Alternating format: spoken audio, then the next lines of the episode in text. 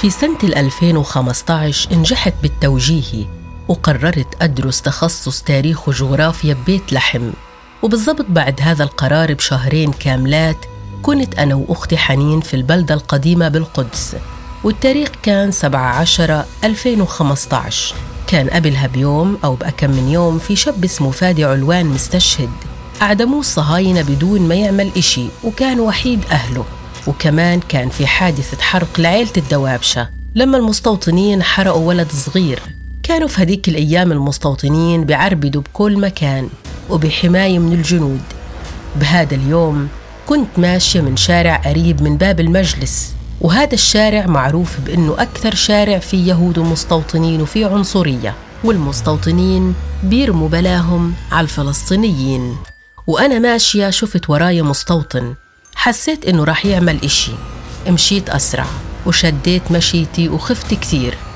بس هالمستوطن مسكني من الشنطة اللي حمليتها على ظهري وحاول يشلحني الحجاب. دفشته بالشنطة ومنعته يقرب مني ويشيل حجابي. بهذا الوقت سمعت صوت رصاص وانطخيت بكتفي وبرقبتي أربع رصاصات ووقعت على الأرض.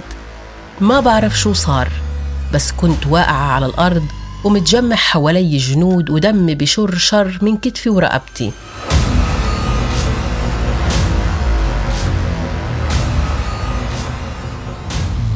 ضليتني تقريبا 45 دقيقة وأنا بنزف وبنادي وبصرخ بس مش سامعة صوتي.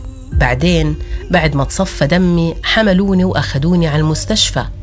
بهذا الوقت أختي حنين سمعت الخبر وراحت على البيت. اليهود طبعا كانوا محاصرين بيتنا. وحاصروا قريتنا قرية صور باهر كلها واعتقلوا كل أهلي وبلشوا تحقيق معهم. أنا قعدت أربع أيام بالمستشفى مكلبشين إيدي برجلي وانعمل لي عمليات نقل جلد وشرايين لأنه عندي تهتك بالرقبة والكتف.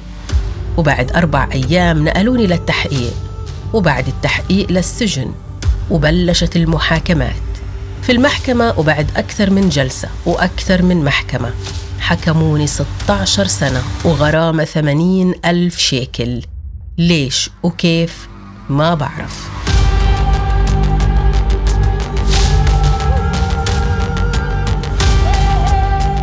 التهمة كانت إني حاملة سكينة وبدي أطعن مستوطن. أنا أصلا اللي بيعرفني بشكل شخصي بيعرف إنه البسة لما بتمشي جنبي ترعبني رعب وبيعرف إني بخاف من العتمة. وما بقدر أمشي بالليل من الخوف. فكيف بدي أحمل سكينة وأمشي بالقدس؟ لا وكمان أطعن بالمحكمة لما طلع الحكم ضليت قاعدة على الكرسي وما وقفت للقضاء ولا اعترفت فيهم. وبس طلع الحكم حكيت لا تهكي لي هم يما 16 سنة بس أنا مروحة أنا طالعة غصب عنهم. من هاي اللحظة عرفت إنه كل اللي بيعملوه اليهود معنا هدفه يهزونا ويقتلونا معنويا ويحبطونا. وآمنت إنه اللي صار معي والتهمة الباطلة اللي توجهت لي كانت تسخير من ربنا. لأكون صوت للأسيرات والمريضات والأمهات. كوني بنت جامعية رح أساعد كتير أسيرات بطلباتهم ورسائلهم. وبلشت رحلتي بالسجن. كرمال هالأسيرات من إضراب عن الطعام لعزل. لقمع وكله فدا الأسيرات.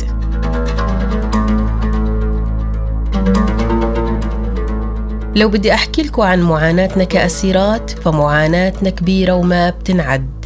في عنا أمهات في مريضات بالسجن في كبار بالعمر كمان. في إلنا أهل برا السجن برضو بيعانوا لما يوصلوا لنا. ما رح أقدر أحكي وأوصل معاناتنا حرفيا بس اللي بقدر أحكيه إنه غمضوا عيونكم واسمعوني شو رح أحكي.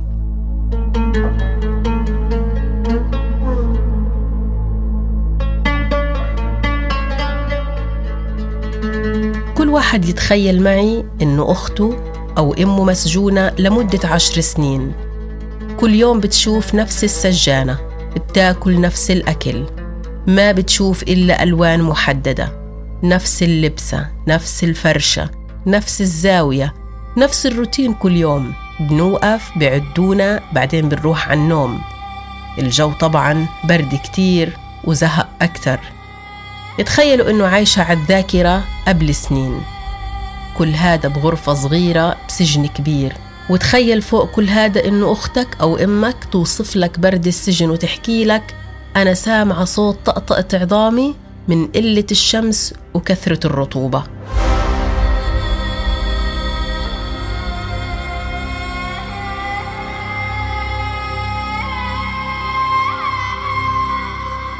أحلى إشي بالنسبة إلي لما أطلع بالبوسطة.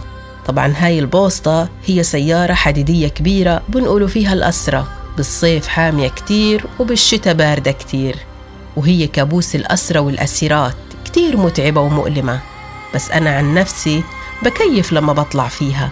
بشم هوا نظيف وبشوف بلادنا من ثقب صغير بشوف الشجر والسماء والشتاء الشمس تعرفوا إنه الشمس عنا بالسجن مسميينها بقع الضوء الشمس اللي بتدخل على ساحة السجن بتعمل بقعة بزاوية من زوايا السجن وهاي البقعة يا دوب تاخد جسم بني آدم.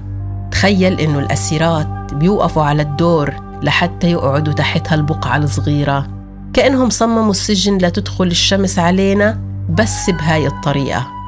بس شمس الحرية فينا مين يحبس عنا الشموس؟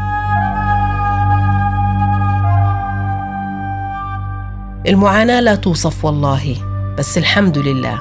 مقضية وقتي بالسجن قراءة كتب وقراءة قرآن.